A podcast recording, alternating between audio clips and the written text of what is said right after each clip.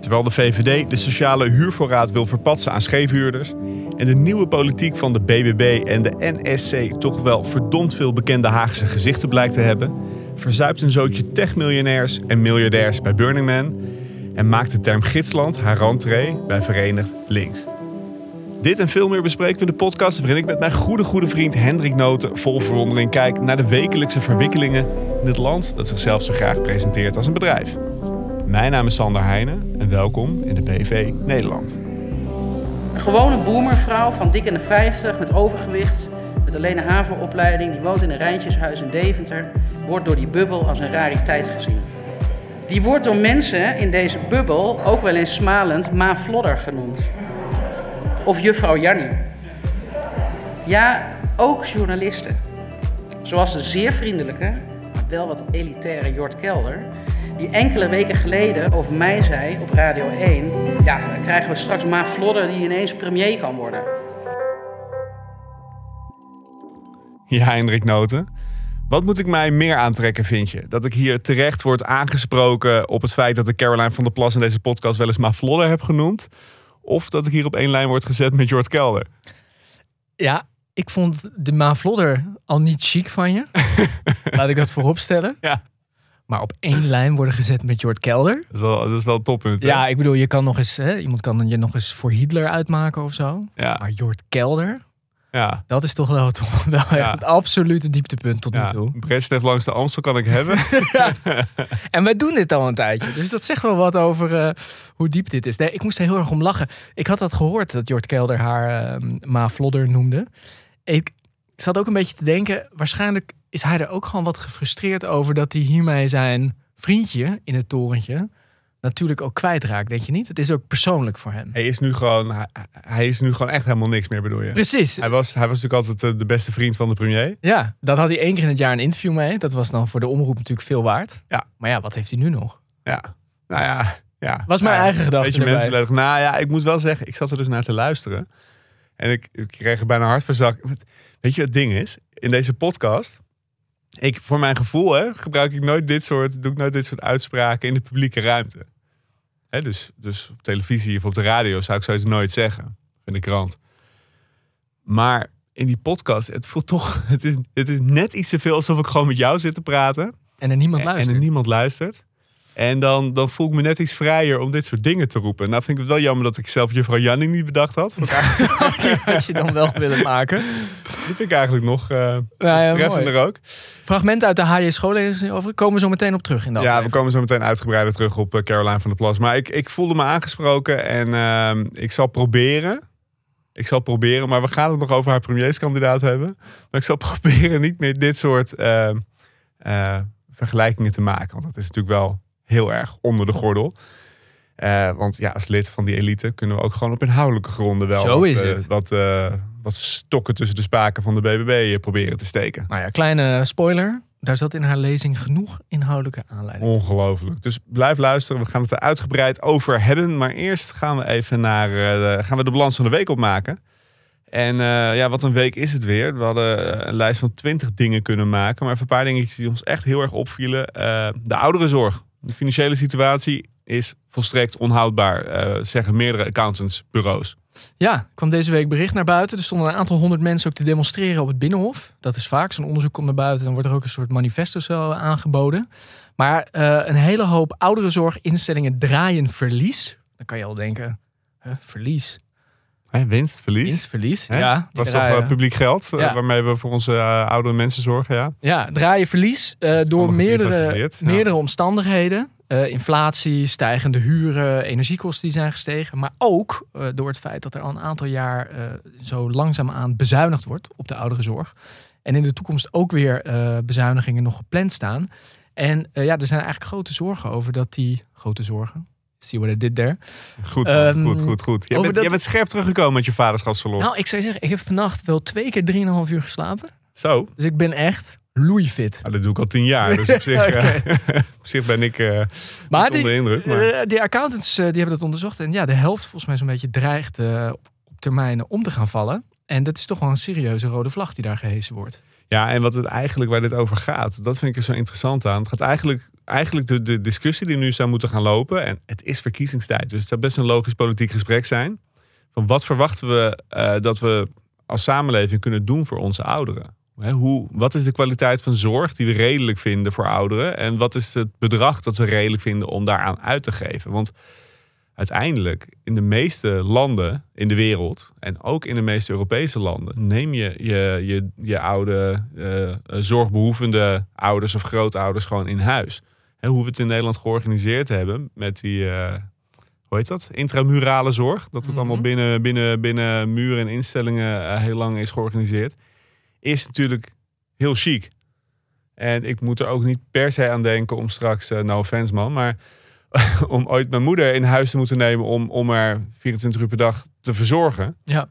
Maar dat is in feite de discussie die we nu moeten gaan voeren. En ik zat ook, ik zat te luisteren naar een interview en dat vond ik toch interessant met een, uh, ik weet niet wie het was, ik viel erin op de radio, maar was een, uh, een uh, medewerker in de zorg die nu tegen de pensioen aan zat. En die vertelde in 1982, toen zij begon in de ouderenzorg, He, dus als je Alzheimer had, die mensen zaten dan met z'n vieren in een, in, een, in een zaaltje. Die hadden alle vier een bed. En dan op uh, de wastafel hadden ze alle vier een tandenborstel staan.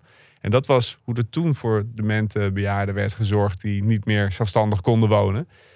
Dus in die zin, we hebben, we hebben die standaard van zorg. Van eerst in huis naar uit huis met z'n allen op een zaaltje. Naar allemaal best wel mooie... Uh, Appartementen die goed ja. verzorgd zijn, eigen kamers. Vaak zijn het niet eens kamers, maar gewoon kleine appartementjes. Eh, en we moeten nu, ja, nu die vergrijzing zo enorm oploopt en toeneemt. En dat weten we, dat zien we al, zien we al 50 jaar aankomen. Maar goed, nu, nu we daarin zitten, moeten we toch eens hebben met elkaar. Van wat vinden we nou redelijk qua, qua niveau van zorg voor Ja. onze ouderen? En, en wat niet meer. En ik heb het gevoel dat er weinig politici zijn die dat gesprek echt willen voeren. Terwijl ze wel, als je gewoon naar de budgetten kijkt, het prima vinden om gewoon een stukje bij beetje die kosten af te knijpen. En volgens mij is het de verkeerde volgorde. Volgens mij moeten we eerst kijken wat vinden we acceptabel en dan naar de, naar de kosten kijken. En nu doen we het andersom. En dat, ja, volgens mij is dat, eh, nou, laten we zeggen dat het, eh, dat het meer voelt als Mark Rutte dan als nieuwe politiek. Ja. Ja, en er zit altijd veel emotie omheen. Hè? Dus dat maakt het ook eh, niet makkelijker. Maar helemaal mee eens. Dus ja, ik ben benieuwd. Want inderdaad, dit dat was wel het signaal dat volgens mij duidelijk was. De huidige route die leidt op korte termijn. Het is een doodlopende weg. Precies, dit is een We doodlopende gaan op de weg. klif af en eh, ondertussen nou ja, gaat het in eh, Den Haag over hele andere dingen. Oké. Eh, basisscholen stoppen met de inhuur van ZZP en uitzendkracht heb je in het draaiboek geschreven. Ja. Nou, daar wil je vast iets over zeggen dan. Nou ja, vond ik een heel opvallend bericht. Kijk, in een aantal sectoren, dit speelt overigens in de zorg ook, ehm, maar in het onderwijs ook zeker. Doordat er die krapte op de, op de arbeidsmarkt is, eigenlijk die personeelstekorten, eh, zie je dat steeds meer docenten ehm, eh, besluiten om daar eigenlijk uit dienst te treden. Eh, en als ZZP'er terug te gaan het onderwijs in. En er zitten allemaal hele handige eh, bemiddelingsbureautjes, koppelbureautjes, die daar tussen zitten, die die mensen ook eigenlijk verleiden en hebben verleid om dat te doen. En vervolgens gebruik hebben gemaakt van die krapte om ja, die mensen voor veel duurdere tarieven weer terug te zetten eigenlijk voor die klassen. Eh, maar wel vaak alleen de makkelijkere roosters, zeg maar. Eh, en dat heeft uiteindelijk alleen maar het onderwijs duurder gemaakt. En de druk ook eh, alleen maar groter gemaakt voor het personeel dat is blijven zitten. En ik vond het interessant dat er nu een hele groep scholen is, basisscholen, die eigenlijk het signaal naar buiten hebben gegeven. Die zeggen wij stoppen volledig met het samenwerken met deze bureaus. Heel goed. En met het inhuur van het externe personeel. Niet omdat we ze niet nodig hebben, want we hebben ze keihard nodig. Maar eigenlijk omdat we een soort tegenmacht willen vormen tegen die eh bureautjes. En, en aan de ene kant dacht ik heel goed. Aan de andere kant dacht ik, dit laat ook wel zien dat het, het kabinetsbeleid of het overheidsbeleid eigenlijk zo ver achterhobbelt op de praktijk. Want idealiter zou je dit voor het hele onderwijsveld natuurlijk willen doen. En nu zie je dat die scholen dus zelf een soort ja, tegenblokken moeten gaan vormen. Ehm, maar ik vind het wel heel goed dat ze dat, dat ze dat aangaan en daar ook een beetje risico mee nemen. Zeker, want het risico is dat ze wat eh, op korte termijn dat ze vaker klassen naar huis moeten Precies. sturen. Ja. En dan krijg je natuurlijk meteen aan de poort gedoe met ouders. Die dat papa dan Heine niet- daar? Ja, nou, papa Noten staat er binnenkort Zeker. ook. Ga ik ja. niet pikken. Nee, eh, die wordt gek. Ik zie Ja. het nu al. Hè? Dit is toch gewoon een bureautje inhuren? Die... Ja, hup. er staat gewoon een ZZP'er. Kun je gewoon inhuren voor 85 euro per uur. Is prima voor Ja. de klas. Ja. Nee, dus eh, en, eh, dit zie je op meer plekken in de publieke sector. Dit wordt echt een thema voor de komende jaren. En dit is dus precies wat je krijgt als je als overheid, als, als kabinet, als regering en als Tweede Kamer gewoon niet zelf proactief nadenkt over hoe gaan we om met, met veranderende demografie. Want eigenlijk gaat het ook daarover. En als je daar niet op tijd beleid op maakt, en niet op tijd daarop inspeelt. Van hoe gaan we bijvoorbeeld zorgen dat we voldoende mensen voor de klas hebben. Hè, in een, met een krimpende arbeidsmarkt. En dan krijg je inderdaad dat die scholenkoepels zelf dit soort gevechten moeten gaan voeren met de markt. En dat is natuurlijk extreem onwenselijk. Extreem. En, maar goed eh, ja. dat ze het doen. Zeker, ja. Hey, over eh, gevechten met de markt. eh, de fossiele industrie, dat vind ik ook zo fascinerend. Iedere keer dat eh, NGO's gaan optellen hoeveel, fossiele, hoeveel subsidie naar de fossiele industrie gaat, wordt het meer. Hè? Wordt nooit minder, hè? Nee, dat is ook logisch. maar dat is ook logisch, hè? Want, want je weet, nou, op een gegeven moment zijn een aantal plekken geïdentificeerd eh, waar, hoe, hoe er publiek geld naar de fossiele sector loopt. Via subsidies of via belastingkortingen enzovoort. En iedere keer vinden ze weer nieuwe potjes en regelingen, waardoor het bedrag steeds meer wordt. Maar inmiddels is bekend dat wij in Nederland, nou zeg het maar, Ja, onderzoek van SOMO. eh, jaarlijks 37,5 miljard euro aan subsidie op, fossiele, op de fossiele industrie. dat is veel hè, zo'n beetje de hele onderwijsbegroting. Dat denk ik, ja. Het is in ieder geval meer dan we aan defensie uitgeven, bijvoorbeeld Ja. jaarlijks. Nee, het gaat om ongelooflijk veel, ongelooflijk veel geld. Het is niet dat er geld naartoe wordt gebracht, maar het zijn voornamelijk belastingkortingen. Dus eigenlijk zitten op allerlei plekken in het land, in de industrie, zitten allerlei vormen van kortingen die, die, die wij, die jij en ik als consument, als burger, niet hebben. Ja, dus de accijns die je betaalt op brandstof als je gaat autorijden, die betaal je als je een luchtvaartmaatschappij bent. KLM niet op de eh, kerosine Ja. die je verbruikt. Als jij gas verbruikt Ja. thuis in je huis om te stoken, Tata Steel gebruikt iets meer gas dan jij en ik. Heel klein beetje meer. Heel een beetje meer. Eh, betalen daar geen, eh, geen belastingen over. Nou, d- daar zit dat allemaal in. En dat soort regelingetjes. Ja, en die tellen dus bij elkaar op tot een gigantisch eh, bedrag. Wat ik dus heel interessant vond. Dit is eh, ook de reden dat eh de Extinction Rebellion eh, mensen die A12 bezetten in Den Haag. Want het argument, hè, de, de eis is steeds stop met die subsidies aan de fossiele industrie. Ja, Eerst was het over, zei de overheid, ja, het is maar 4 miljard. Overdrijf niet maar zo. 4 miljard, we hebben het over. Ja. Hoe, kom je, hoe, hoe kom je? Dat Ja. zegt ook iets over de kwaliteit van onze overheid. Ja, maar nu Of heeft Jette heeft het bevestigd. Hè? Dus hij heeft gezegd, dit klopt. die Hij is- 37,5 miljard. ja, hij heeft gezegd, dit klopt. Sterker nog, mijn mensen denken dat het nog ietsje meer is. Maar dit klopt in ieder geval als ondergrens. Misschien zou het goed zijn als zijn mensen daar dan ook even transparant over zijn. Wat ik dus heel fascinerend vond, Ingrid Thijssen, voorvrouw van uh, Ondernemend Nederland, die zat bij Buitenhof dit weekend. Zeker. En die deed daar wat vaak gebeurt eh, op deze momenten. Ze zei eigenlijk, aan haar werd gevraagd, vindt u ook dat die subsidies moeten worden afgeschaft? En toen zei ze, ja. Zei, dat vind ik ook. Ja. Ja. Begon, nee, ze begon goed aan het interview. dus dat vond, dacht ik van, kijk, dat is goed. Had ik haar ook geadviseerd van, je moet gewoon een, een helder antwoord geven. Gewoon ja. Maar Nee, is ook een helder antwoord Ja, nee, Maar- gewoon, ja, maar dat lijkt me. Maar goed, ja. Maar zegt ze dan altijd, we moeten dat stapsgewijs doen. En we moeten dat heel voorzichtig Ja. doen. Want anders gaat die industrie hier weg. Het kabinet Balkenende heeft al besloten om deze subsidies af te bouwen. Oh ja? De doelstelling was om dat in 2025 afgebouwd te hebben. Ah, We zijn nu nog bezig met vaststellen hoeveel er überhaupt zijn. En het is Ja. 2023. ja. Dus die, die reactie, die strategie is natuurlijk, daar moet je een beetje voorzichtig Er is gewoon mee de bal vooruit schieten. Ja, en dat gebeurt dus eigenlijk straks wel bijna ja, Balkenende. hoor. Maar even over dat interview. Ik, voor mensen die het niet gezien hebben, wat was dat slecht, hè? Tenminste, het interview was goed. Het interview is wel goed. Maar de antwoorden waren Ja, tenen krommend. ja, ja, ja, ja, ja, ja, ja. Ja, en er wordt altijd gezegd, als we het te snel doen, gaan de mensen, gaan die bedrijven weg. Toen moest ik even denken aan een vrolijke noot. Ik ja. weet niet of jij je dat herinnert, maar Nou ja, dit, ik- dit voorjaar. Ik heb ze allemaal scherp, maar misschien Ja. voor de luisteraar. Ik heb er ooit een keer eentje aangehad. Er was een onderzoek gedaan. En dat onderzoek ging naar, gaan bedrijven weg als fossiele energie duurder wordt? Of gaan ze zich aanpassen?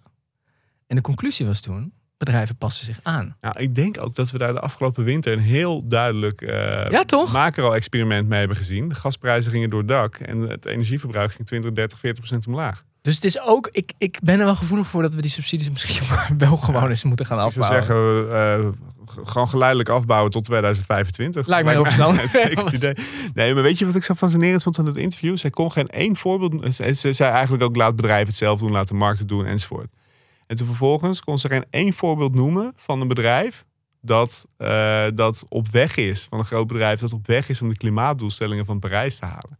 Dus dat hele, die hele argumentatie van die bedrijvenlobby... van laat ons het nou maar doen en wij kunnen het Ja. allemaal zo goed... Ze viel daar gewoon... Ja, ze viel daar gewoon volledig door de mand. Ja. Dus eh, ja, ja, Ingrid, als je luistert, of eh, je voorlichter, die, die ken ik ook nog van toen hij bij de NS werkte. Jullie hebben een slechte, Slechte Had een paar voorbeelden. Had een paar goede voorbeelden. Ja, denk even hebben. na gewoon Ja. voordat je. Of, of, of, of als je die voorbeelden niet hebt, ga dan even nadenken over je verhaal en waar je lobby nou voor staat. Want je, je zit daar toch niet om bullshit te Nee, verkopen. Je wilt, toch, je, wilt of, je wilt of gewoon blind die financiële belangen van jouw achterban behartigen, of je wilt iets goeds doen voor Nederland. Maak gewoon eens een keuze welke van de twee je wilt. Zo, je hebt gezegd. Ik heb gezegd. Hey, eh, opvallend eh, nieuws deze week. Want eigenlijk wilden het hebben over wat de Kamer allemaal controversieel aan het verklaren is deze dagen. Want eh, het kabinet is gevallen. het kabinet is demissionair. En dan is het gebruikelijk dat de Kamer besluit. in, in meerderheid waar nog wel over besloten mag worden. En beleid mag worden gemaakt. En welke thema's niet. En tot nu toe. Ik weet eigenlijk niet of jij de laatste stand hebt. Maar toen ik eh, eh, woensdagochtend keek, zag ik dat er nog helemaal niets controversieel is verklaard de eerste dag dat dit, eh, deze debatten gevoerd zijn. Ja, dus volgens mij op de dag dat wij opnemen, lijkt in ieder geval dat op klimaat. Volgens mij ook alles wat met de arbeidsmarkt te maken heeft in ieder geval. Er is gewoon nog niks controversieel. Eigenlijk zegt de Kamer tot nu toe overal, Ga maar door. ga maar door. Er is nog zo weinig gebeurd. Zou het, zijn, zou het kunnen zijn dat ze, dat, ze, dat ze stiekem hopen van ram maar af van alle impopulaire maatregelen er nu doorheen? Nou, nee, hoeven wij dat niet ja, te doen bij informatie? nee, ik denk echt dat het minder cynisch is dan dat. Ben ik bereid te Ja, zeggen. Ja, ja, heel goed. je zag Je natuurlijk... bent echt veranderd hè, sinds je vader ja, bent. man, ik zie, eh, ik zie alles roze wolk, roze. roze wolk. Nou, vertel. Neem mij mee. Eh, nee, je zag natuurlijk al de afgelopen weken dat eh, in ieder geval echt vanuit dat maatschappelijk middenveld er ook veel oproepen kwamen aan die Kamer. Er zijn gewoon een aantal dingen die, die niet kunnen wachten. Stikstof bijvoorbeeld. Ja, we hebben het er al, we hoeven het er niet in den treuren over te blijven hebben. De boel loopt vast als daar niet verder beleid op wordt gemaakt. Eh, klimaat, daar moeten we eigenlijk ook door om aan doelstellingen te halen. De arbeidsmarkt, daar ligt ook heel veel. En als je het een beetje afbelt, dit kabinet heeft niet bijster veel voor elkaar gekregen in de tijd dat ze er zaten. Nou, pensioenakkoord. Pensioenakkoord, ja. Ja. Asiel gaat nog lopen, dat kan ik me bijna niet voorstellen. We gaan het zien. Maar dus er zijn gewoon een aantal van die thema's. Iedereen in het land zegt eigenlijk, ja jongens, ja, leuk dat jullie een nieuwe ronde verkiezingen gaan doen, maar we hebben wel wat nodig. Eh, dus ik, ik heb het gevoel dat de Kamer daar ook wel gevoelig voor is. Dat ze Dus- denken, ja, er moet wel wat gebeuren. Ja, nou, ik ben, maar, maar ik ben heel benieuwd. Vervolgens is dan, hè, als er knopen doorgehakt moeten worden. Normaal kan je met zo'n coalitieakkoord kan je elkaar een beetje dwingen en dreigen met eh, anders laten we je kabinet vallen. En dan kan je armoedebeleid niet doorgaan. Of dan kan jouw asielbeleid niet door. Of dan kan jouw stikstofbeleid niet door. Nu kan dat allemaal niet. Nee, dat is waar.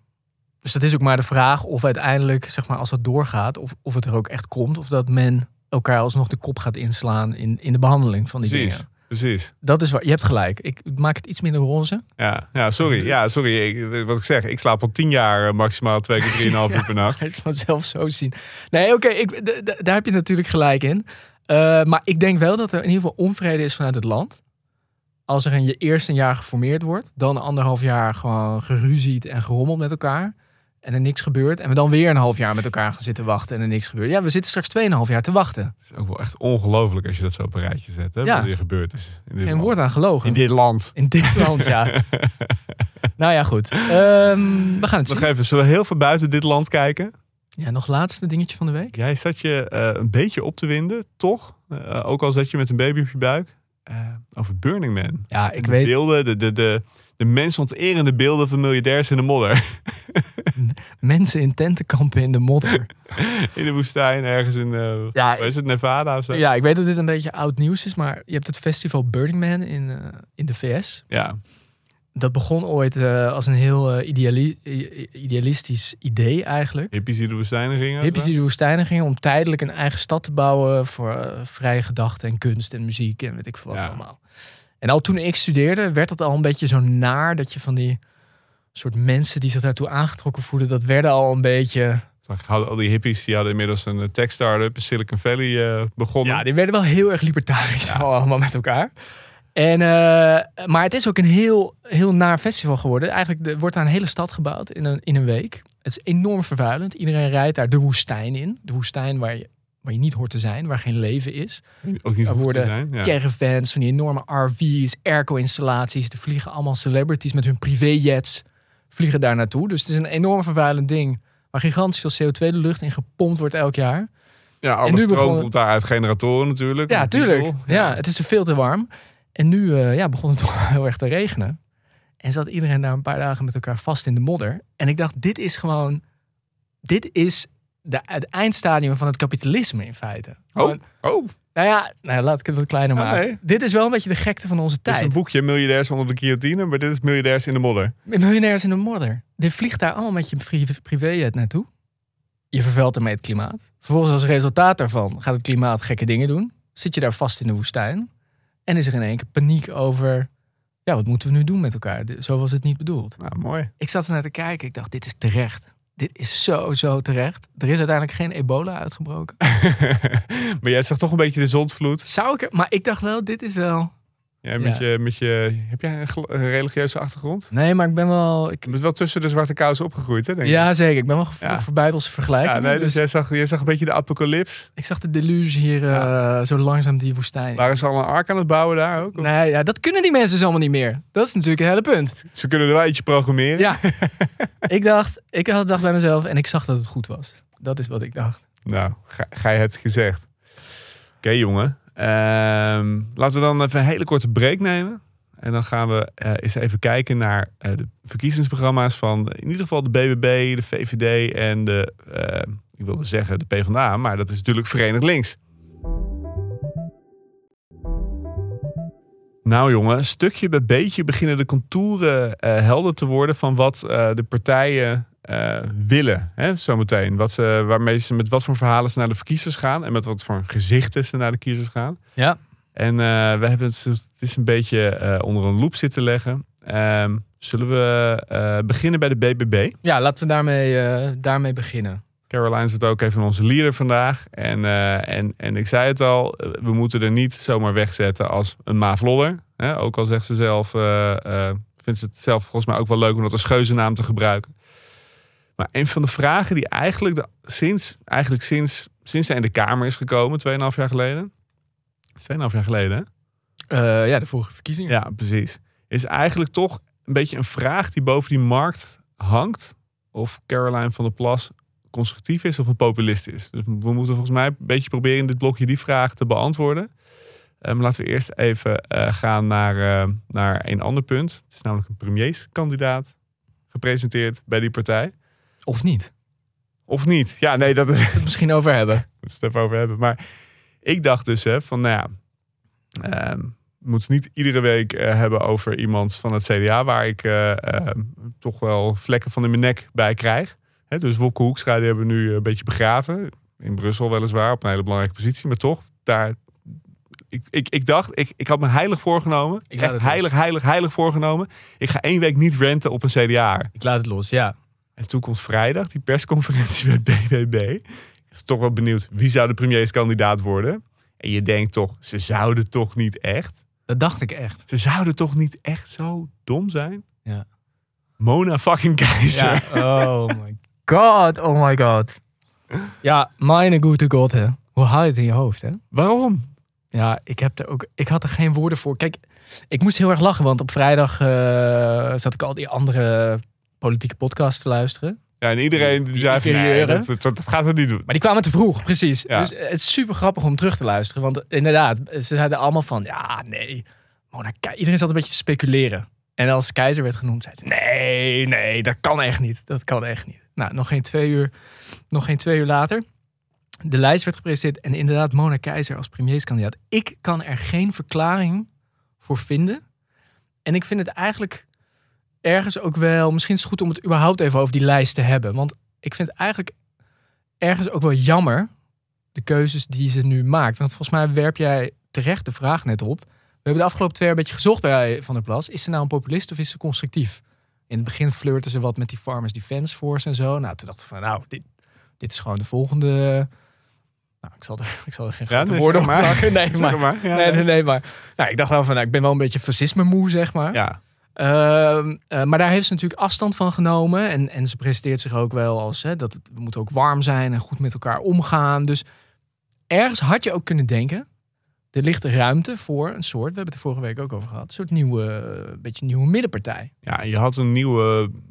Volgens mij was ook de, wat je zou moeten willen als jij de BBB bent... is een soort nieuwe vader des vaderlands of moeder des vaderlands eh, lanceren. Ja, En hoe kan je dan uitkomen? Ja, ik weet niet wie er allemaal nee hebben gezegd. Dat is natuurlijk ook interessant in dit soort eh, ja, kwesties. punt. Maar, maar welk, ehm, ook, eh, eh, laat, laten we er eerst even als spindokter naar kijken.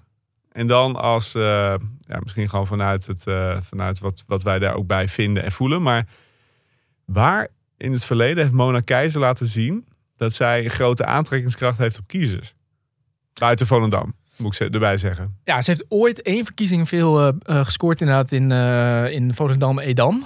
Dat was overigens al niet de vorige Ik zeg buiten Volendam. Ja, daarbuiten. Buiten Volendam. Dus buiten Nee, dat dorp dat- waar ze vandaan komt. Waar ze altijd op iemand uit het Ja. dorp willen stemmen. Nee, dat niet natuurlijk. Nee, maar dat is natuurlijk, dat, dus dat ten eerste. Hè. Dus zij heeft een aantal keer geprobeerd om de leider van het CDA te worden. Dat is altijd mislukt. Ja. Dus zij, zij spreekt de CDA-achterban niet buiten gewoon. Dat is waar, dat heeft ze een aantal keer geprobeerd Ja. ook. Ja, dat klopt. Volgens mij de laatste keer ook nog toen Ja. De Jonge en Pieter Omtzigt eh, uiteindelijk eh, nek aan nek gingen. Toen heeft zij dat ook geprobeerd. Zij heeft dat in eh, 2012 of 10 of 12. 2012 denk ik. Toen Buma, eh, toen Buma het werd, heeft zij het geprobeerd. Ze heeft het een aantal keer geprobeerd. Ze heeft altijd op die lijsten gestaan. als nummer 2 van het CDA. Maar zij, ja, zij heeft... Dus, dus electoraal zie ik niet zo goed waarom zij interessant is. Zij heeft eh, in die kabinetten gezeten. Staatssecretaris geweest. Ze is geen minister geweest, hè, denk Volgens ik. mij niet. Nee, te licht bevonden daarvoor. Dus zij heeft ook niet een hele grote. Zij heeft in die, in die hoedanigheid, als staatssecretaris van Economische Zaken, heeft ze dan niet buitengewoon, eh buitengewoon hoge ogen gegooid. Of, of laten zien dat zij wezenlijk anders is dan, dan zeg maar het oude CDA. Heeft zij gewoon niet. Ja, op een gegeven moment heeft zij eh, afstand genomen van het coronabeleid. En toen is ze ook meteen ontslagen. Ja. Wil ik zo meteen nog even op terugkomen, maar dat doen we zo. En, en, en zij is echt van de lijn, en dat heeft ze nu ook nog weer eens herhaald binnen het CDA, echt van die, van die lijn die, eh, die, die buitengewoon keel rechts is. Hè, die stroming die je binnen het CDA hebt. Die gewoon, als het gaat om eh, migratie, als het gaat om samenwerking met de PVV, wat ze nog even heeft gehaald, dat ze daar in 2012, eh, nou, ik weet niet of ze er hartstochtelijk voor was, maar ze had in ieder geval eh, voor die, dat ber- beruchte CDA-congres, ze Ja. was voor die samenwerking met Wilders. En zij, ja, zij is gewoon, zij is in alles het oude CDA. Ja, inclusief toch de, de, de, ja, de, de air van, van opportunisme en eh, toch die er omheen hangt ook. Ja, want dat is het. Hij nou- is misschien te laag dat ik dat zo zeg. Nee, de- haar daden onderschrijven dat wel. het feit dat zij steeds probeert eh, leider te worden van CDA, dat dat steeds niet gelukt is. En dat ze dan nu de kans krijgt om ergens anders proberen leider te worden. Eh, ja, dat zegt natuurlijk heel veel over dat, dat Mona Keizer. Ze praat ook over zichzelf, als, ze noemt zichzelf ook Mona, hè, als ze over zichzelf praat. Ze zegt dus niet ik, maar ze zegt ja, Mona vindt dit. Vind ik heel raar. Hè, wie? Oh, je- oh je, je bedoelt jezelf. Ja. Ja. Een hele rare, misschien tegen hele kleine kinderen of zo, maar zelfs dan is het raar Ja. om dat te doen. Maar dit is dus een gemiste kans om haar daarvoor te vragen in die zin. En er waren een paar meer plekken op de lijst waar ik dat ook vond. Ja, want eh, als we dan toch hebben over keel rechts, eh, waren een paar overstappers. Ja, Dirk-Jan Epping, mag ik ermee beginnen? Ja, DJ Epping. DJ Epping. Ja. Weet je waar hij zijn loopbaan begonnen is? Ja, ik neem aan ook al bij de, in de Kamer of zo. Ik heb het echt gevoel dat dit soort mannen hun hele leven al uit de ruif van het parlement vreten. Ja, maar, Maar wanneer, waar is hij echt zijn loopbaan begonnen? eh, als eh, eh, ondersteuner, volgens mij in het Europese parlement, van de fractie van de Partij van de Arbeid. Echt waar? Ja, Nee. Heeft hij daar ook nog gezeten? ja, ja, ja. Echt? Ja. nou ja, ze, Hij heeft deze een- mannen. Het kan zijn dat ik een paar partijen mis onderweg, maar hij heeft voor de Partij van de Arbeid gewerkt. Hij, heeft, eh, hij was eh, een van de leden van het kabinet van Bolkestein ehm, eh, toen hij eurocommissaris was. hè, dus voor de VVD Ja. in het Europarlement. Daar heeft hij gezeten. Ja. Forum voor Democratie Tuurlijk. heeft hij gezeten. Chic. En hij zat er toch ruim na de homeopathische verdunning. En liep hij nog enthousiast achter Baudet aan te marcheren.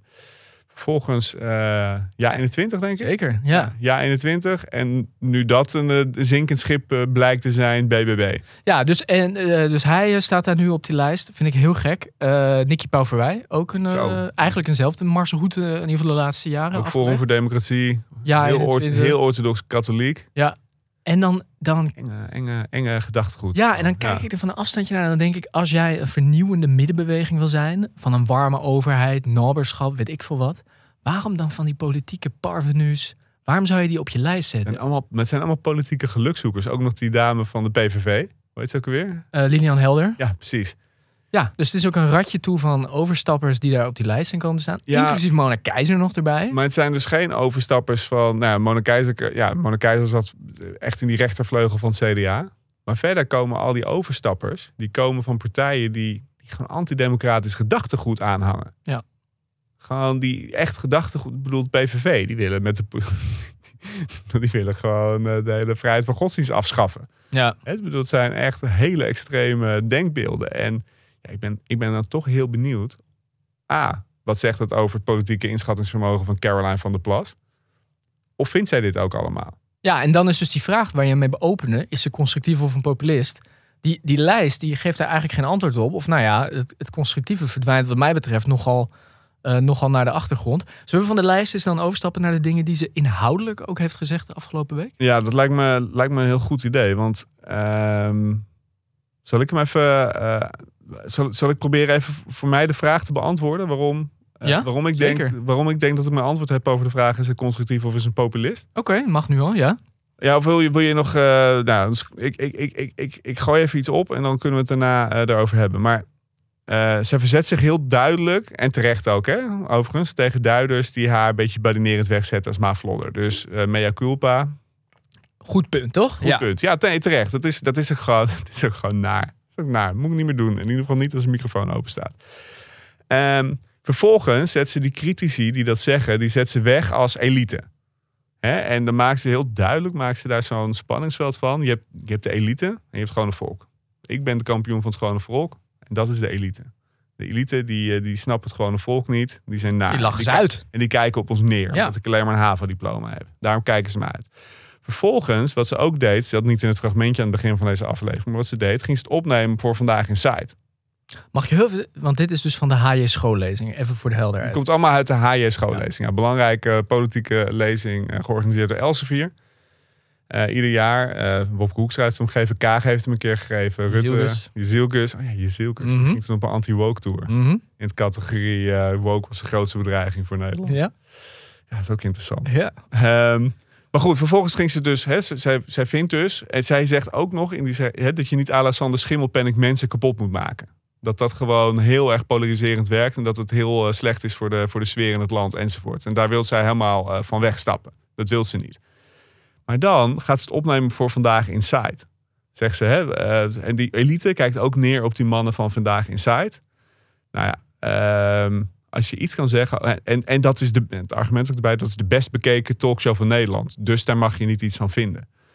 Maar als je nou kijkt wat vandaag Inside is, die grossieren echt in het kapotmaken van individuen. Die haat die ze hebben tegen mensen als Kaag, weet je, of Timmermans. Uh, of tegen nou, gewoon een heleboel mensen, progressieve mensen met name. Veel vrouwen. En Marjan Olvers, een hoogleraar sport en recht, die daar altijd uh, heel erg persoonlijk wordt aangevallen. Ja, echt snoei en snoeihard, hè? Precies. En dat gaat echt vele malen, vele uh, gradaties heftiger eraan toe dan uh, iemand die op Mavlodder lijkt vergelijken met Mavlodder qua uiterlijk. Toch? Zeker. Uh, dat, dus dat gaat verder. Maar dat zijn de vriendjes. En, en dan vervolgens zegt ze ook nog in die lezing van onderbuikgevoelens. Want dat is eigenlijk wat, waar dit allemaal naartoe gaat. Hè. Dit, dit zijn allemaal mensen die opereren vanuit onderbuikgevoelens. En zij zegt onderbuikgevoelens zijn ook gevoelens. Dus daar, daarmee wil ze dat ja, wil, ze, wil ze dat eigenlijk gewoon zeggen. Dat is prima om politiek beleid te maken op basis van die onderbuik. Ook al is het niet helemaal waar. Maar dat is in feite wat ze daarmee zegt. En daarmee zet je de deur gewoon wagenwijd open voor vrij, feitenvrije politiek. Die goed voelt. Ja. ja, dan ben je dus een populist. Ja. Ja, ik ben het met je eens. En in die speech zat dus ook, of in die, wat is het, een lezing, geen speech. Er zat ook een raar ding in. Ik vraag me af of dat dan ook met Mona Keizer te maken heeft. Het was ook het was een beetje een, een opeenstapeling van allerlei ideeën. Dus er was heel weinig lijn in te ontdekken. Dat, dat merk je dus ook. Ze heeft niet echt een. Ze heeft gewoon nog niet echt een visie. Ze weet niet echt wat ze wil. Nee, en, en, en dan, en dan, kijk, nu word je natuurlijk heel snel weggezet als ik dit nu ga zeggen als onderdeel van de elite. Die, heel naar is tegen het volk. Helemaal niet.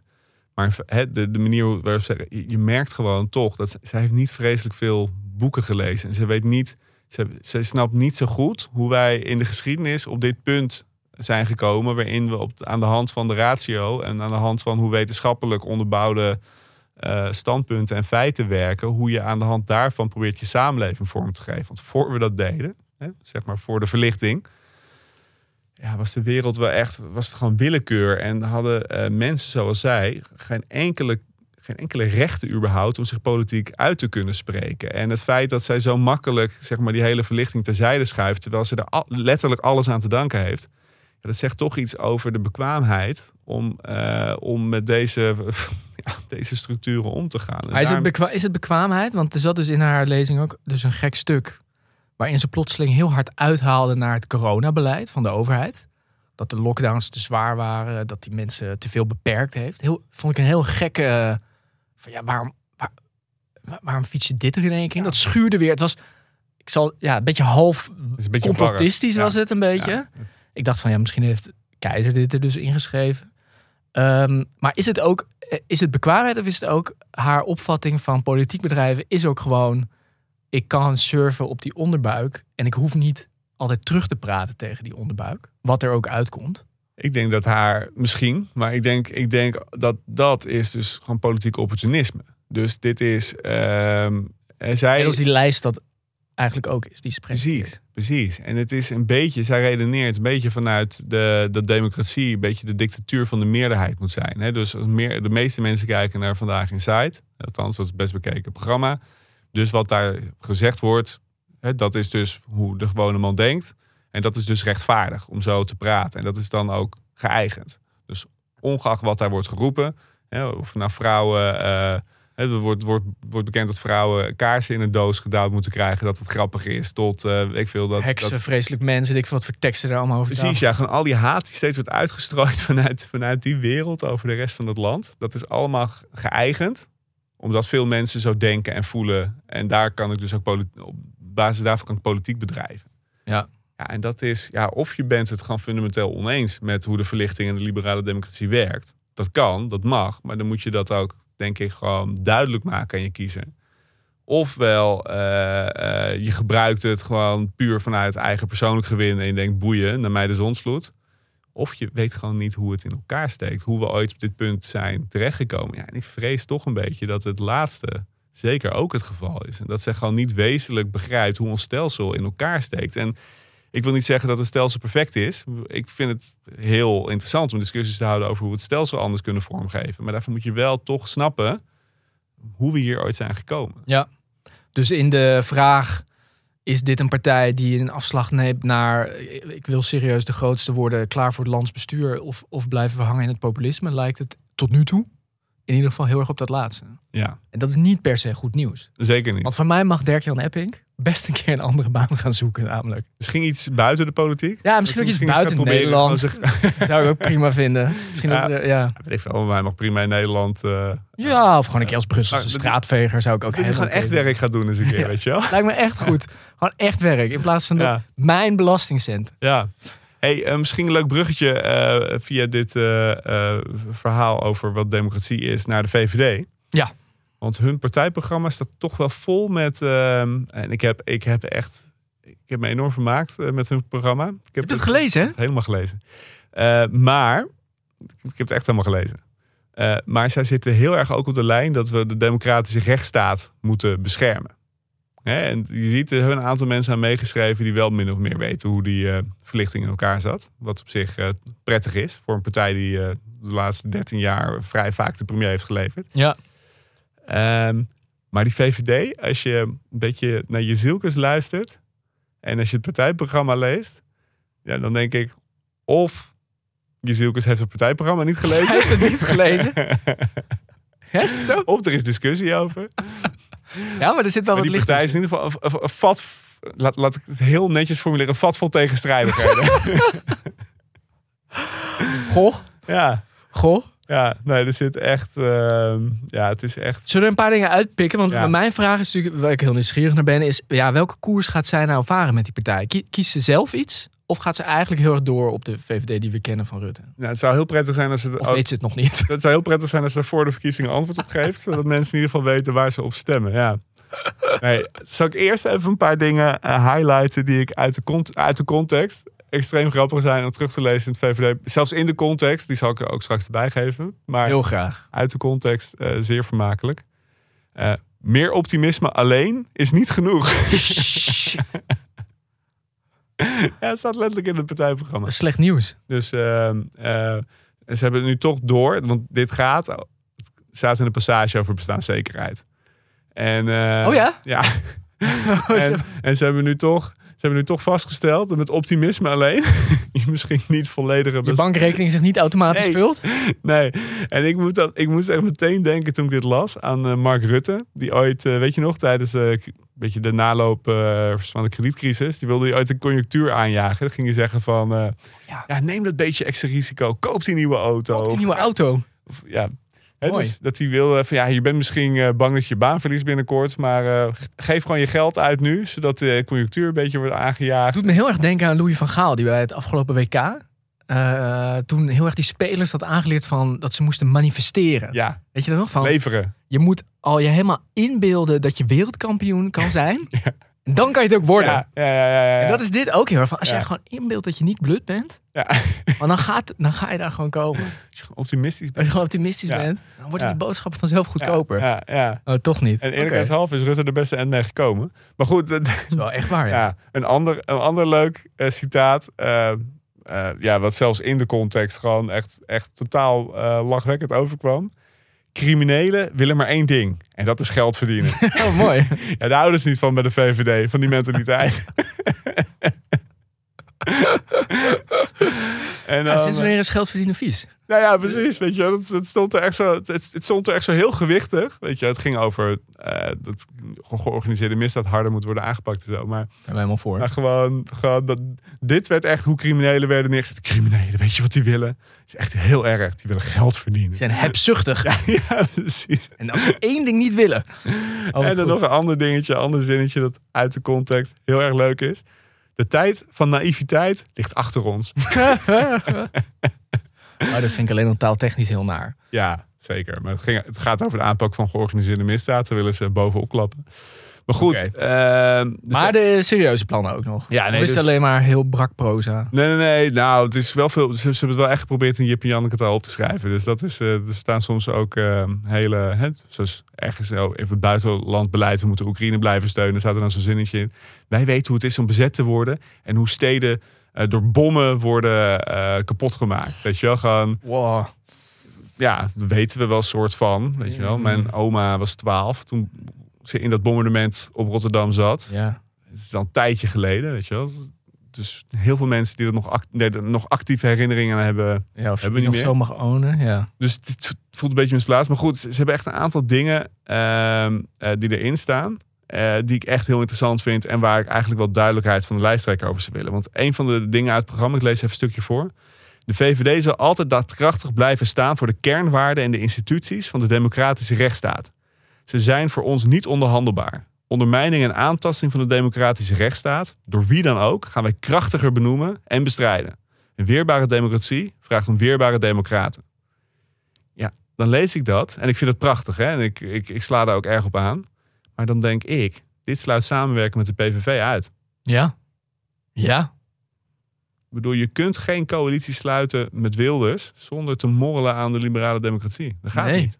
Iemand die mensen uit wil sluiten van de liberale democratie. Het parlement een nep-parlement heeft genoemd. Eigenlijk alle redenen waarom Rutte al niet met Wilders meer wilde samenwerken. En waar zij de deur natuurlijk weer heeft opengezet. Precies.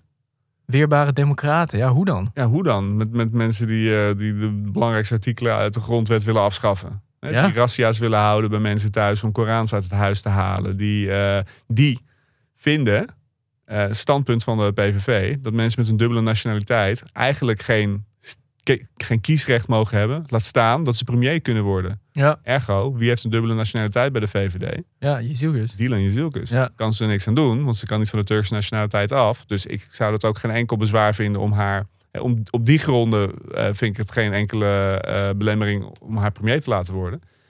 Ik zie wel een paar andere punten, maar, maar, maar, maar dit Ja, is maar als je dus- dit zo fundamenteel vindt en zo opschrijft, zo ronkend in je programma, dan kan je dus dan heb je toch wat uit te leggen. Dan kan je dus niet in zee met de PVV. En eigenlijk ook niet met de BBB. Op het moment dat Van der Plas dit soort uitspraken doet. En dit soort mensen eh, op haar lijst zet. Die Ja. dit gedachtegoed heel lang hebben uitgedragen.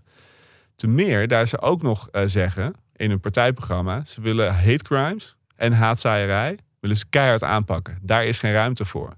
Nou, En dan hebben ze het over, over, over eh, imams. Maar laten we eerlijk zijn. Is Geert Wilders geen haatzaaier? Nee.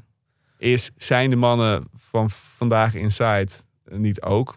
In misschien een mildere vorm, hè? Ze roepen niet op tot geweld. Nee, maar in de slipstream van die miljoen kijkers zit natuurlijk, dat is natuurlijk wel een van de aanjagers van, een deel van, het online, van die online haat die er plaatsvindt. Precies, al die aanvallen op Sigrid Kaag. Ja. En vervolgens staat er, staan er mensen bij Sigrid Kaag met brandende fakkels voor de stoep. En durft zij niet meer eh, nog een keer een rondje mee te doen aan de verkiezingen.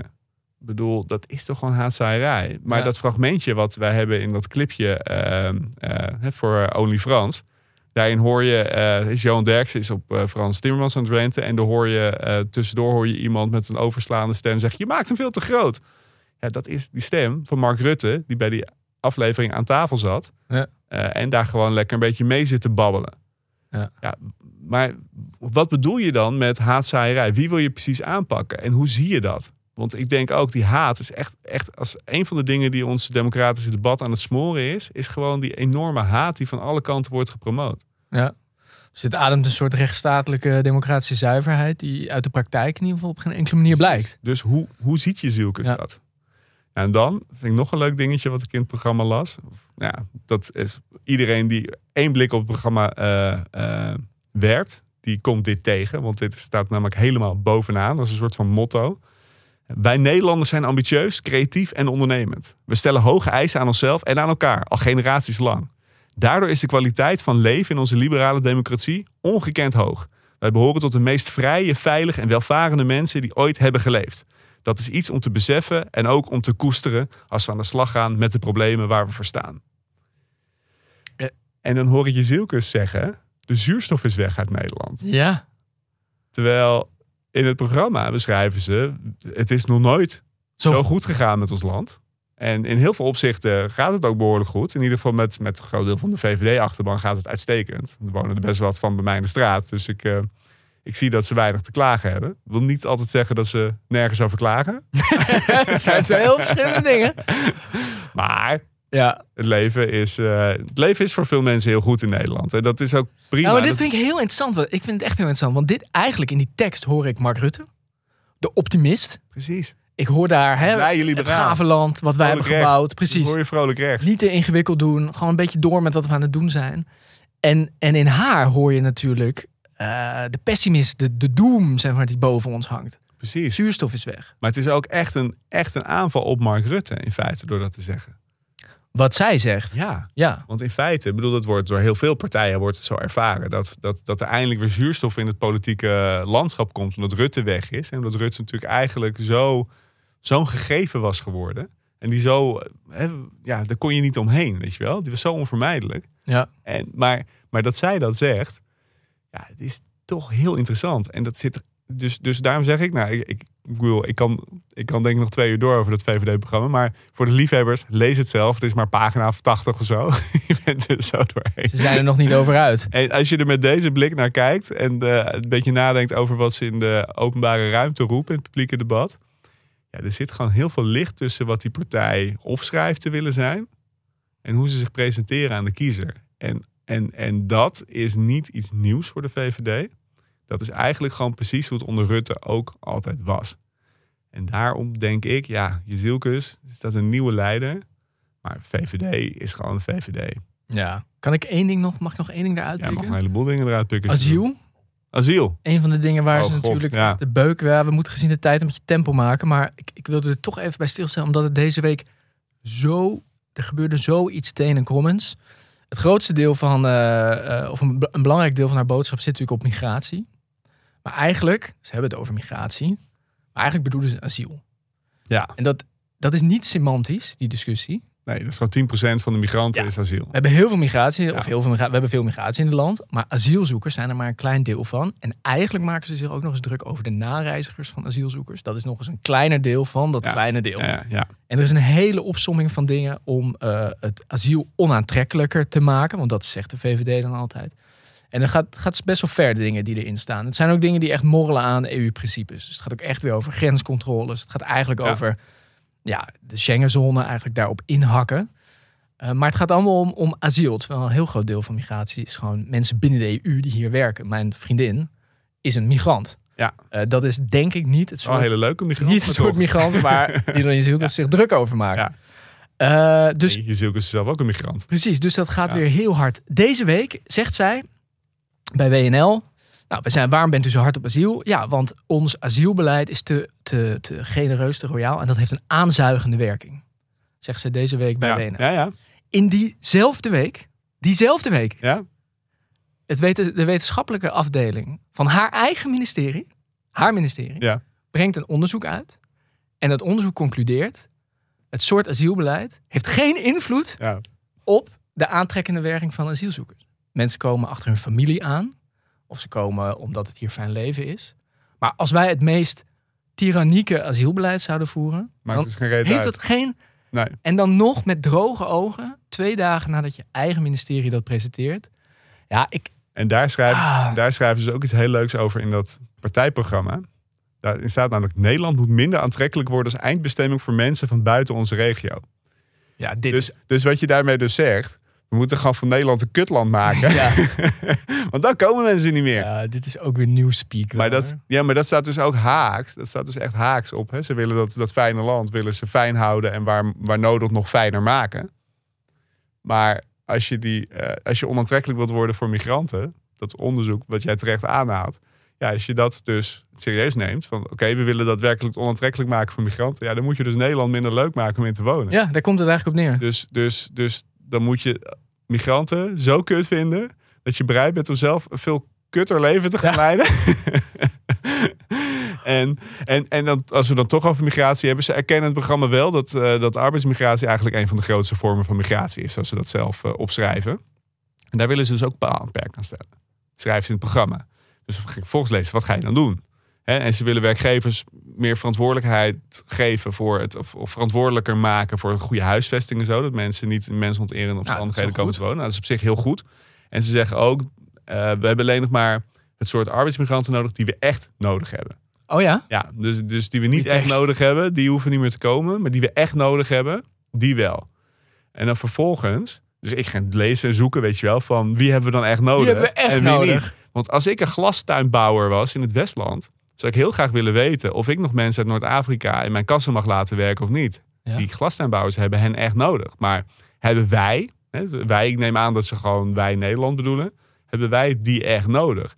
Want in feite Hebben wij de zeggen ze- glastuinbouw echt nodig? nou ja, in feite zeggen ze dus een aantal sectoren mag straks geen eh, arbeidsmigranten meer binnenhalen. Maar ze zeggen er niet bij welke. Dus, dus het is gewoon ook zo'n heel laf. Het staat heel diep in het programma, dus niemand gaat het toch lezen. Maar dan toch nog zijn ze te laf om daar dan keuzes te maken in hun programma. En ik snap wel waarom, want anders worden de achterbannen boos. Tuurlijk. Ja. Maar, maar er staat dus gewoon in feite niks over. Dus ze gaan daar in feite ook niks op doen. Want ze hebben zich nergens aan gecommitteerd. Maar het is dan toch even genoemd. ja. Weet je, het is gewoon... Kan ook met zo'n zinnetje in een regeerakkoord straks. Ja, precies. En dan doe je er ook niks mee. Nee. Nee. Nou ja, goed. Eh, ja, dat is het VVD. Oké. Hey, eh, we hebben veel te lang over BBB en eh, eh, de VVD zitten praten. Maar nog één dingetje. Ehm, eh, om dan toch ook even wat, wat, wat positieve dingen te zeggen. Als ik dan toch het hele partijprogramma heb gelezen. Dat zal ik in, een half minuut doen. Maar hun EU-paragraaf, dat ziet er eigenlijk echt goed en helder en realistisch uit. Dus ze willen af van die veto's, van het vetorecht op buitenlandbeleid. Eh, waarmee ze eigenlijk ook zeggen, de EU moet gewoon een geopolitieke macht kunnen worden. En dan moet je gewoon als één blok kunnen opereren in de wereld. Dus nu mag ieder land, dus als Hongarije een sanctie tegen Rusland wil blokkeren, dan kunnen ze dat met een vetootje doen. En als Cyprus iets niet wil, kunnen ze dat gewoon tegenhouden. En ze willen dat de EU echt als een machtsblok kan gaan opereren. Een sterke buitengrenzen eh, gaat hebben. Onafhankelijk wordt voor de veiligheid van de VS. Onafhankelijk voor energie van eigenlijk alle tyrannieke staten. En onafhankelijk van productie van China. Verstandige We dingen. hebben daar echt eh, verstandige en doordachte dingen eh, opgeschreven. Eh, en in het kader van het beschermen van de rechtsstaat, lidstaten zoals Hongarije die de rechtsstaat schenden, of zoals Polen die, die die rechtelijke macht wilden inperken, die willen ze financieel keihard aanpakken. Dus ze zitten ook op een aantal thema's hebben ze echt wel gewoon goede, degelijke eh, dingen in het programma staan. Het zijn eigenlijk de dingen die geen campagnethema's hoeven te worden. Precies. Ja. Dat viel me dus ook op, ja. Daar zitten gewoon verstandige mensen best wel verstandige dingen te Ja, schrijven. ja, en daar kan je ze ook prima, eh, volgens mij, eh, het, het roer over in handen geven. Want daar, daar doen ze geen gekke dingen. Oké. Dus, eh, dus, eh, dus ja, dat, Heel interessant. dat toch even gezegd hebben, ja. Oh mijn god, ik zit door te kijken door mijn aantekeningen. Er zijn nog zoveel meer. Maar gaan we het allemaal niet over Gaan we hebben. nu niet. Maar hou ze in je achter- Zes- 16-jarigen eh, kunnen eh, eh, berechten volgens het volwassenenstrafrecht en zo. Dat soort dingen staat er ook. Oh, daar gaan, die gaan we het later. want We gaan hier een keer. eh, Hey, pubers levenslange we gaan wat meer uh, Ja, maar we gaan. maken. ja, zullen we. ehm, we zijn al zo lang onderweg. Zullen we gewoon meteen naar de PvdA Verenigd Links? Gaan we een paar dingen over zeggen? Zullen we dat schuilen onder, eh, scharen onder eh, de rubriek OnlyFrans? Ja, lijkt me verstandig. Brussel zit die Timmermans. Vous insistez, le président et moi, on peut aussi Dat noem ik de groene gek. Die is helemaal losgeslagen. Die Green Deal is niet een blauwdruk. Maak hem nou niet zo groot. essere sicuri che nel futuro Nou, maak hem nog eens niet zo groot. Als hij de ruimte krijgt, dan, dan, dan ontregelt hij nog erger het land als Kaag ooit kan doen.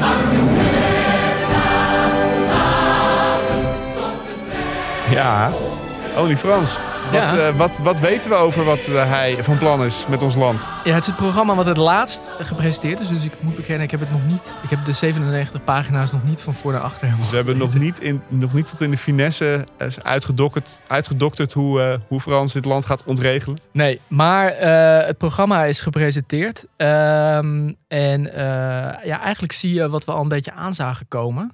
Er zitten een paar hoofdthema's in. En overal proberen ze dat groene en dat rode met elkaar te vervlechten. Ja, Ja, hè, groen en rood zijn niet samen, maar, of zijn niet, staan niet tegenover elkaar, maar gaan, maar gaan samen. Dus vier hoofdthema's. Het gaat over herstel van vertrouwen. Dit is de overheid. Dit is wat, wat, wat Omtzigt ook wil. ik wou zeggen. Eh, het gaat over bestaanszekerheid. Nou, dat hebben we ook al een paar keer gehoord deze campagne.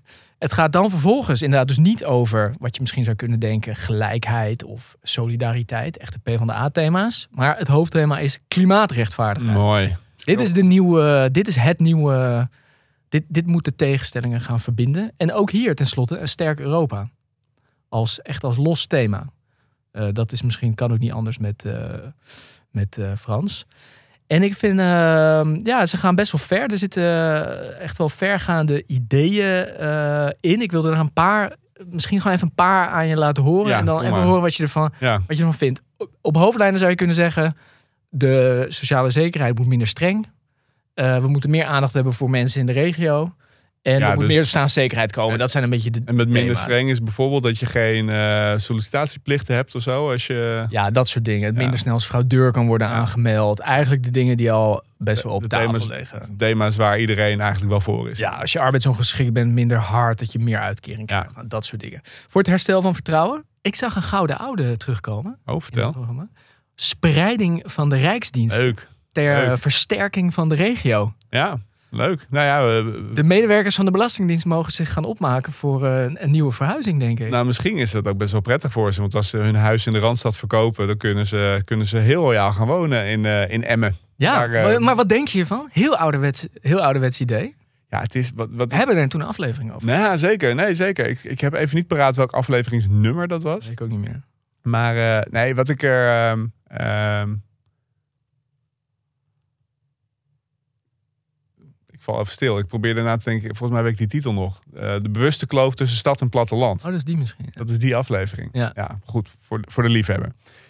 Ja, ik, ik, zie, ik denk twee dingen erbij. Ten eerste denk ik, op zich is het goed hè, om, de, om structuurversterkende investeringen te doen. eh, in, in gebieden van het land waar eh, die economisch minder welvarend zijn. Dat is op zich heel goed te doen, want dan krijg je ook waardige werkgelegenheid enzovoort. Maar vervolgens, als je bestaande ministeries of diensten gaat verplaatsen, dat hebben we met de mariniers gezien. En als ze ergens goed bevelen kunnen opvolgen, is het bij de mariniers. Ja. Maar zelfs daar was het toch niet meer mogelijk om met de stalorde vanuit Den Haag een kazerne vanuit Doorn naar Zeeland te verplaatsen. Gewoon omdat die mensen zeggen, ja, eh, hallo, we, we hebben hier ook schoolgaande kinderen en partners eh, met banen enzovoort. Je kan ons niet zomaar aan de andere kant van het land neerzetten. Nou, ik vermoed dat het met een bestaand ministerie nog ingewikkelder wordt. Of met de Belastingdienst. Nou heeft BBB wel eens eh, gepleit, hebben we het ook wel eens eerder over gehad, voor de oprichting van een ministerie voor platteland. Ja? 100 kilo, min- minimaal 100 kilometer van Den Haag. Nee, je zou natuurlijk met zoiets kunnen beginnen. En er zijn best wel veel nieuwe diensten te bedenken die het land zou kunnen gebruiken. Ja. Die je natuurlijk eh, niet in Den Haag hoeft te vestigen, maar die. eh, Ja.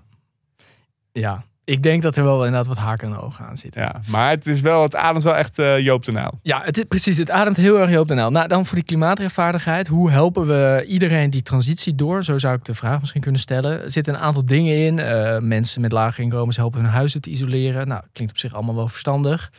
Eh, het verbieden van vluchten van minder dan 750 kilometer. Ja, lijkt, lijkt mij heel goed. Ja? Ja. Uitbannen van privéjets. Dus geen me vliegtuigen meer ik, naar ik Berlijn. heb geen vliegtuig, dus eh, geen vliegtuigen meer naar Parijs. nee, nee, dat lijkt mij Geen uitstekend. vliegtuigen meer naar Londen. Je maakt wel echt KLM kapot, maar op zich eh, ook geen probleem. Moet je ondertussen wel echt heel snel iets in de treinverbinding gaan doen. Hè? Ja, maar dit wordt een interessant punt, hè? Want, want ze zeggen geen vluchten meer, minder dan 750 kilometer. Nou, als je dan straal trekt vanuit Schiphol hemelsbreed. Ik, ik Kom je zeg, een heel eind. Ik, zeg een beetje, ik kom je een heel eind, maar ik zeg het een beetje een schrapje. Maar het is echt zo, hè? Dat, het model van KLM, het verdienmodel, is mensen vanuit ongeveer die straal in Europa naar Amsterdam vliegen. Dus vanuit Noorwegen, vanuit Denemarken, vanuit Zweden, vanuit Polen, vanuit naar Amsterdam vliegen. En dan vanuit Amsterdam met dat netwerk naar New York of naar Tokio of naar Shenzhen of naar waar dan ook in de wereld. En als je dus, ehm, als je dus dit doet, dan trek je dus ook meteen het hele eh, bestaansrecht onder de KLM vandaan. Want dan heb je alleen nog maar het Nederlandse thuismarktje. En dat is een veel te kleine markt om dat enorme netwerk naar al die eh, 300 zoveel bestemmingen eh, eh, in stand te houden. Ja. Dus in feite, nou, je weet al dus al eh, wie daar gaat lobbyen tegen dit plan. Dat lijkt mij eh, eh, Ja. vrij evident. Dat zijn de vrienden van Wopke Hoekstra die eh, hij toen eh, gered heeft. Eh, maar eh, ik vind het eigenlijk een extra, extra pluspunt voor Ja, dit eh, plan. Want eh, ja, je kent mijn, eh, mijn, eh, mijn eh, standpunt ten aanzien van Schiphol. Sluit het gewoon, bouw daar een mooie stad.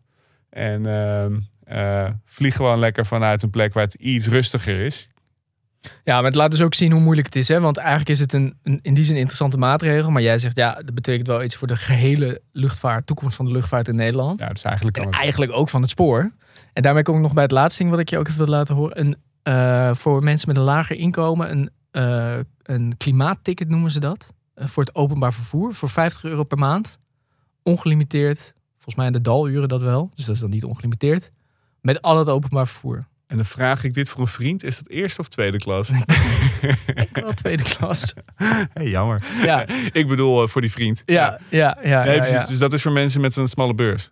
Volgens mij wel, ja. Als echt een soort heel betaalbaar alternatief voor de auto. is echt te gek. Weet je, dat je de, de OV-studentenkaart was enorm populair toen die kwam. Eh Jo Ritsen, 1991 volgens mij. Was voor studenten en eh, dienstplichtigen. Dienstplichtig militairen, die had je toen nog.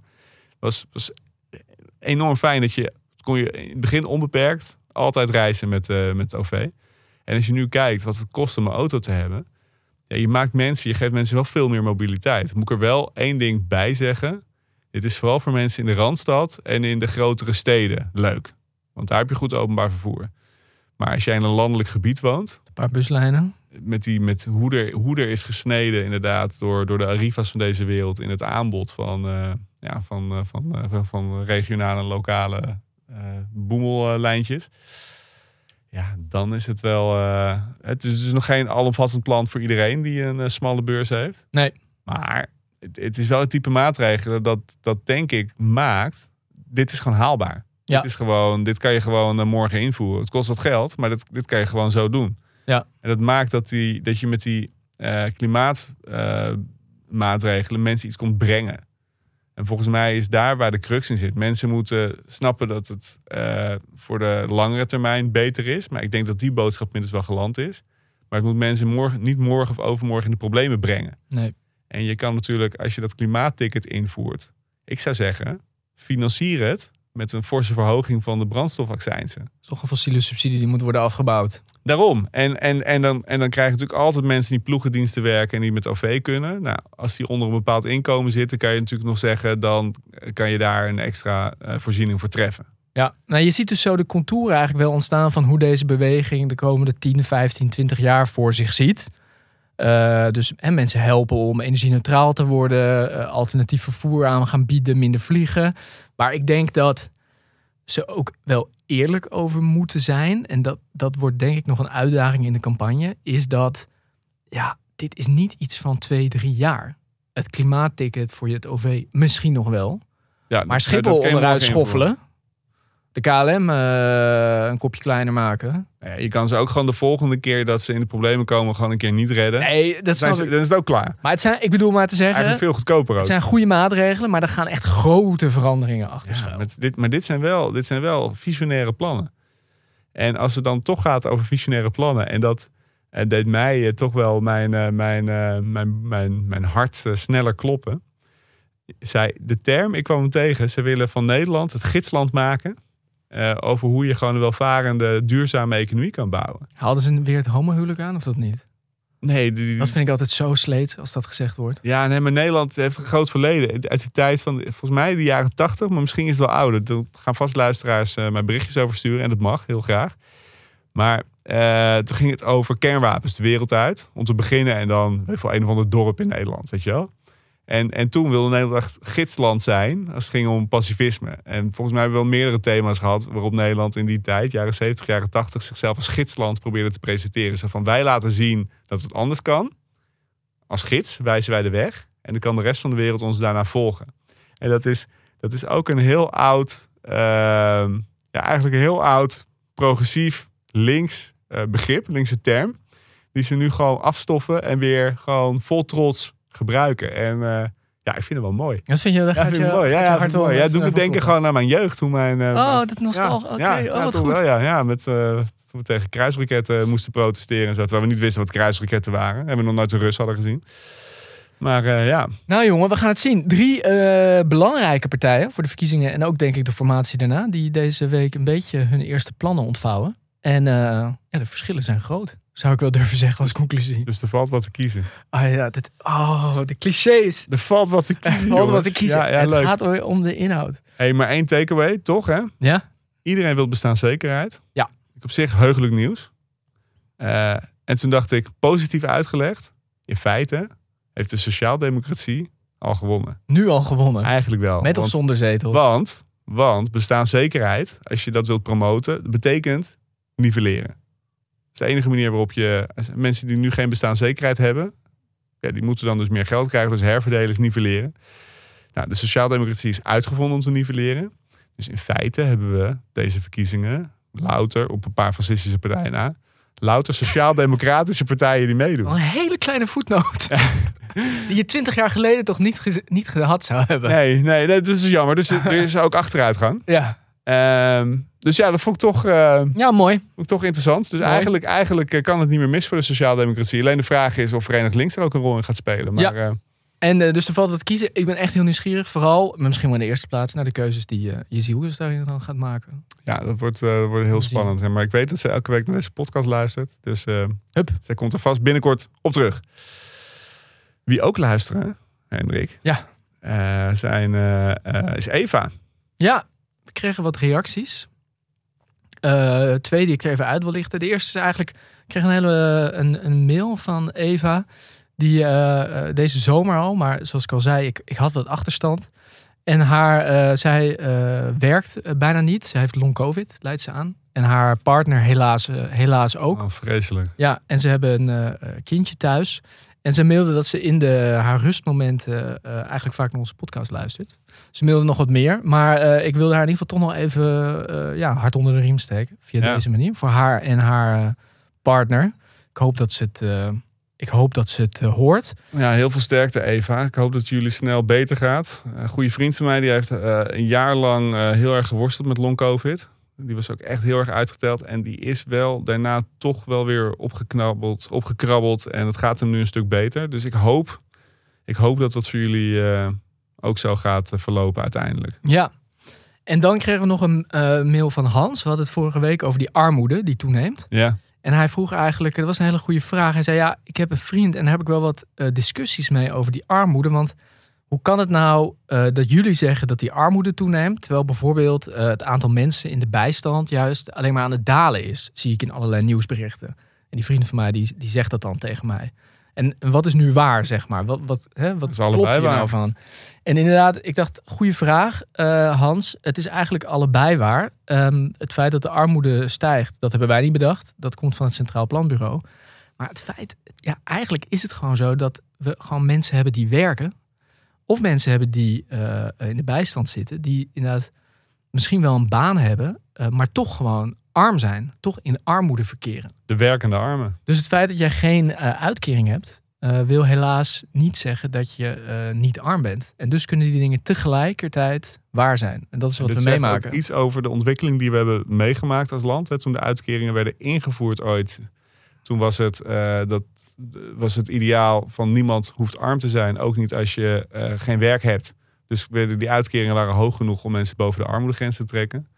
En inmiddels, omdat het leven zo duur is geworden, ligt de armoedegrens eh, eigenlijk op een punt dat sommige mensen die werken niet genoeg verdienen om boven die armoedegrens uit te komen. Ja, of als je in een uitkering zit, wil dus ook niet zeggen dat je niet arm bent, helaas. Precies, precies. Dus, dat, eh, dus het is een terechte vraag. En eh, ja, nou ja, jij, hebt het antwoord gegeven, Hendrik. En helaas kunnen we het niet mooier maken. Zo is het. Bronnen overigens, hè, vraagt u naar wat zijn de bronnen? Het Centraal Planbureau, CBS, je kan het allemaal terugvinden. Ja. Dan lijkt het mij tijd om een beetje warmte vanaf een roze wolk In de afronding. vanuit de vrolijke nacht. Ja, eh, ik heb toch een goed nieuwtje te pakken. Want volgens het, eh, de European Environment Agency is eh, de luchtkwaliteit in Europa is, beter en beter aan het, aan het worden. Zo, Ja, de afgelopen 15 jaar is de luchtvervuiling met bijna 30% eh, afgenomen. Terwijl ondertussen de economie wel doorgroeide. En eh 13 van de lidstaten zitten, hebben nu al hun doelen gehaald voor 2029 voor de luchtkwaliteit. doe maar. Dus ondanks alle vervuiling en de zonsvloeden, ja, wordt de lucht wel iets, iets, iets schoner. En dat danken we uiteraard aan niemand anders dan Only Frans. Ja, nou. nou, ja. nou, nou, nee. Nee, hè? Nee, hè? Ja, dit was mijn vrolijke noot. Hij zou hem graag claimen, denk ik. Zeker. Zeker. Frans, claim hem. Doe het Oké, jongen, laten we er een eh, eh, einde aan maken. Want, eh, althans, aan deze aflevering. Ehm, want we zijn er ruim en ruim, ruim, ruim over het uur heen. Ja, dus ik zeg dank voor het luisteren naar deze iets wat lange aflevering. Volgende week zijn we er weer. Gewoon wederom. Wie weet wat voor gekkigheid er dan weer gebeurd is. Eh, dus dan kan je, gewoon weer, eh, kan je gewoon weer intunen. Heb je in die tussentijd vragen? Wil je ons iets laten weten? Mail dan even. Net als eh, Eva en Hans. Dat kan naar bvnederland.creator-podimo.com. Staat ook in de show notes. Of zoek ons even op. Instagram, bvnederland. Niet per ongeluk bij uh, van Hagen uitkomen. Of LinkedIn, Hendrik Zo, Noot. daar zitten ook een paar gekken op de Zo, lijst. daar zitten echt een paar. Dat is echt Circus Rens wat dat is de, de eerste vier zijn allemaal heel omstreden. Oh, mijn god. Huisjesmelkers, eh, eh, iemand die eh, door Friesland Campina van de erf is gezet vanwege dierenmishandeling. Dan moet je bon maken. Ja, maar goed, daar gaan we het een andere keer over hebben. Ja, of, of misschien moeten we het daar maar niet over hebben. Maar wat een afvalput is die lijst. Goed, deel deze aflevering vooral met anderen. Daarmee gezegd. En nu zwijgen we dan ook echt. Tot volgende week. Tot volgende week, jongen.